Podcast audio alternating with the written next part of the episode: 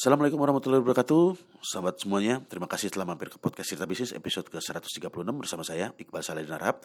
Semoga kalian semua kehidupannya baik dan penghidupannya pun juga baik Lebih baik daripada kemarin dan semoga akan semakin baik juga ke depannya.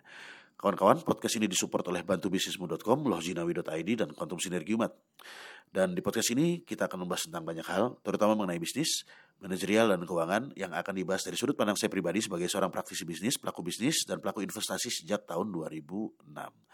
Harapannya apa? Supaya teman-teman mendengar yang ada keinginan untuk menjadi pebisnis, ya jadi pengusaha, atau bagi teman-teman yang sudah kandung kejeblos menjadi pengusaha, barangkali aja kalian bisa mendapatkan suatu insight yang berbeda. So, kalau misalnya teman-teman sudah mendengarkan uh, podcast kali ini dan mungkin ada yang ingin tanyakan karena suara saya kurang jelas, karena suara saya belibet gitu ya, atau ada yang ingin didiskusikan, monggo langsung kontak ke nomor WhatsApp yang dicantumkan di deskripsi di podcast ini, gitu ya. Oke, langsung kita masuk ke sesi cerbis kali ini. Jadi kawan-kawan, di kelas pendampingan bisnis yang saya bina, ya, ketika saya bertanya kepada para peserta, siapa yang mau jadi kaya? Nah, hampir semua orang angkat tangan. Jadi hampir semua orang ingin jadi kaya. Semua orang ingin punya banyak uang. Nah, tapi ketika ditanya, lo memangnya Anda ingin sekaya apa? Ingin punya uang seberapa banyak? Nah, di sini hanya sedikit orang yang bisa menjawab angka yang pasti. Mereka ingin punya uang seberapa banyak. Ya. Dan ini bukan hanya di kelas bisnis saya saja, teman-teman. Dan ini eh, apa ya? Saya bilang ini berlaku juga untuk kebanyakan orang. Jadi banyak orang yang mana mereka tuh nggak tahu mereka tuh ingin kaya tapi kaya apa gitu loh dan mereka nggak tahu eh, ingin menjadi apa mereka nggak tahu apa yang harus mereka lakukan agar mereka bisa menjadi kaya. Nah ini adalah PR yang paling mendasar ya untuk semua orang. Jadi ada beberapa PR. Yang pertama, ya PR pertama adalah Anda mm, mau jadi entrepreneur boleh, jadi profesional boleh, jadi karyawan boleh, jadi apa pun boleh gitu loh, bebas. Yang penting Anda tahu Anda mau membawa hidup Anda ke arah mana. Itu yang pertama.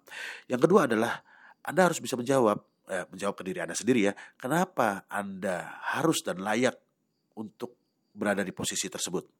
Apakah karena Anda punya cita-cita untuk menyenangkan orang tua, atau karena Anda sudah bosan hidup susah, atau karena uh, ingin sekedar menikmati hidup senang, atau uh, sudah nggak pengen merisaukan nggak ada uang gitu ya, posisi nggak ada uang dan lain-lain lah. Nah itu yang kedua. Yang ketiga, pertanyaannya adalah atau PR-nya adalah apa yang Anda rela korbankan untuk uh, mencapai apa yang Anda inginkan. Jadi uh, apa sih yang perlu dikorbankan supaya saya bisa mencapai di posisi yang saya inginkan? Apakah waktu di mana itu bisa jadi waktu bermain, waktu kumpul bersama keluarga dan lain-lain ya. Apakah itu pikiran? Ya karena harus mulai belajar lagi, mulai kuliah lagi dan lain-lain. Apakah itu uang yang harus dikorbankan? Karena harus membeli buku ini, harus kursus ini itu dan lain sebagainya. Itu yang Anda harus pikirkan yang ketiga, PR yang ketiga. Dan yang keempat, yang penting Anda punya rencana dan Anda bisa menjalankan rencana tersebut sehingga membawa Anda lebih dekat dengan apa yang Anda cita-citakan.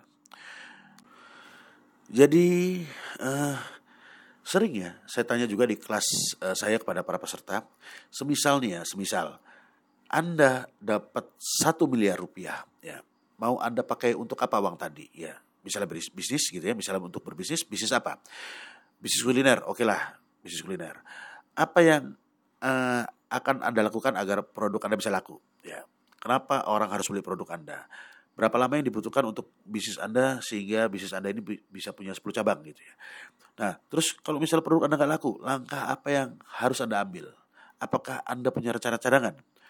Karena apa teman-teman sekalian? Ini harus dipikirkan. Karena setiap orang bisa jadi pemimpin dan untuk menjadi pemimpin yang baik, pemimpin yang uh, keren gitu ya, yang tangguh, maka Anda harus punya visi. Jadi harus menjadi pemimpin yang punya visi, pemimpin visioner lah gampangnya. Jadi uh, pemimpin visioner itu dia harus punya panjangan jauh ke depan. Dan bukan itu aja ya, tapi dia juga harus punya gambaran yang jelas tentang apa yang benar-benar ingin dia raih dan dia juga tahu bagaimana cara meraihnya.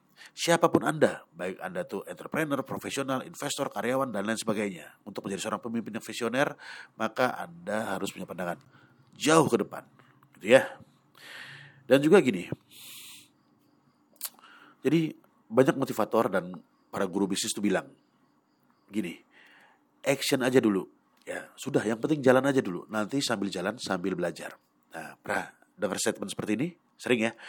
Nah, kalau saya pribadi sih, saya kurang cocok sama hal seperti ini. Meski ya, meski hal tadi bukannya salah ya. Pada situasi tertentu, action dulu itu bagus. Jadi ada kalanya ketika seseorang tuh bingung mau ngapain, bingung cari jalan keluar, sudah kepepet, gak bisa mikir, ya udah, action aja dulu gitu loh. Jadi ingat kan cerita Siti Hajar, eh, istrinya Nabi Ibrahim alaihissalam ketika mencari air untuk Nabi Ismail bayi, ya. Jadi kondisi e, beliau itu bingung, panik, sendirian di padang pasir ya berdua sama Nabi Ismail mencari air bolak-balik dari Safa ke Marwah hingga tujuh kali. Ya mencari air tuh.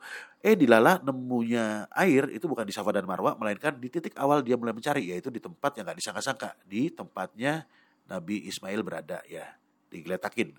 Nah sehingga action dulu baru jalan keluar datang itu bisa dilakukan kalau kondisinya tertentu. Ya kalau kondisinya kepepet gitu lah ya.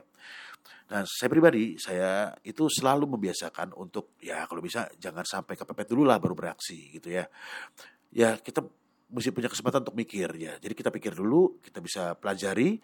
Ya kalau saya pribadi saya pelajari sampai saya benar-benar yakin baru saya ambil tindakan. Ya. karena apa? Karena menurut saya tindakan yang dilakukan dengan dasar keyakinan itu dampaknya akan semakin kuat.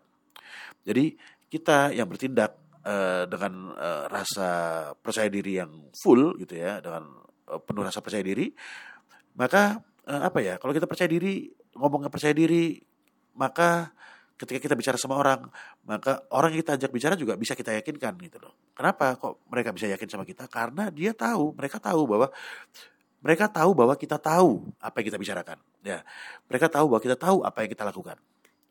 Saya ketika berbicara tentang bisnis, berbicara tentang investasi, tentang manajemen, di mana pun lah ya, baik itu di ngomong sama orang lain, sama temen, uh, sama mitra, sama uh, di kelas gitu ya, misalnya saya lagi ngajar di kelas, ataupun juga di podcast ini gitu ya, di podcast di YouTube juga, saya itu sangat yakin dengan apa yang saya katakan. Ya kenapa? Karena yang saya katakan itu juga saya lakukan gitu loh. Saya lakukan, saya bisa ya saya bisa saya ahli maka saya yakin. Nah kalau saya berbicara hanya sekedar menceritakan kisah sukses orang lain ya bukan kisah saya sendiri mungkin saya tidak akan seyakin ini bicara di kelas di podcast ataupun di mana-mana gitu ya. Ya gitu mungkin teman-teman sekalian maka penting bagi kita itu punya clarity ya. Punya clarity itu artinya kita tahu sih kita benar-benar tahu apa yang ingin kita lakukan kita mau ke arah mana apa yang harus kita lakukan, bagaimana cara melakukannya, ketemu dengan orang-orang siapa, berada di e, komunitas mana, kita harus bergaul dengan siapa. Nah, kita e, harus punya itu kejelasan ya. Karena kalau kita sendiri kita nggak punya kejelasan mau dibawa ke mana, maka apalagi orang yang ikut sama kita karyawan kita gitu ya. Mereka pasti akan terombang ambing karena bosnya sendiri nggak tahu mau ke arah mana kok apalagi saya gitu loh. Mending saya resign aja saya kerja sama orang lain saya kerja di perusahaan lain yang lebih uh, prospektif. Nah, mungkin gitu teman-teman sekalian. Oke mungkin demikian tentang cerita bisnis singkat episode kali ini. Sekali lagi yang saya bahas di sini adalah uh, pendapat saya dan pandangan saya pribadi jadi monggo kalau misalnya uh, ada kata-kata saya yang dianggap Eh, kurang berkenan, salah ngomong atau kepleset bicara dan mungkin ada yang kurang jelas dan perlu ditanyakan dan ingin didiskusikan, langsung aja sharing di nomor WhatsApp yang saya cantumkan di deskripsi di podcast ini. Gitu teman-teman, semoga bermanfaat buat uh, teman-teman pendengar semuanya, terutama buat saya pribadi sebagai pengingat diri. Saya cabut dulu, sampai jumpa di episode cerbis berikutnya. Assalamualaikum warahmatullahi wabarakatuh.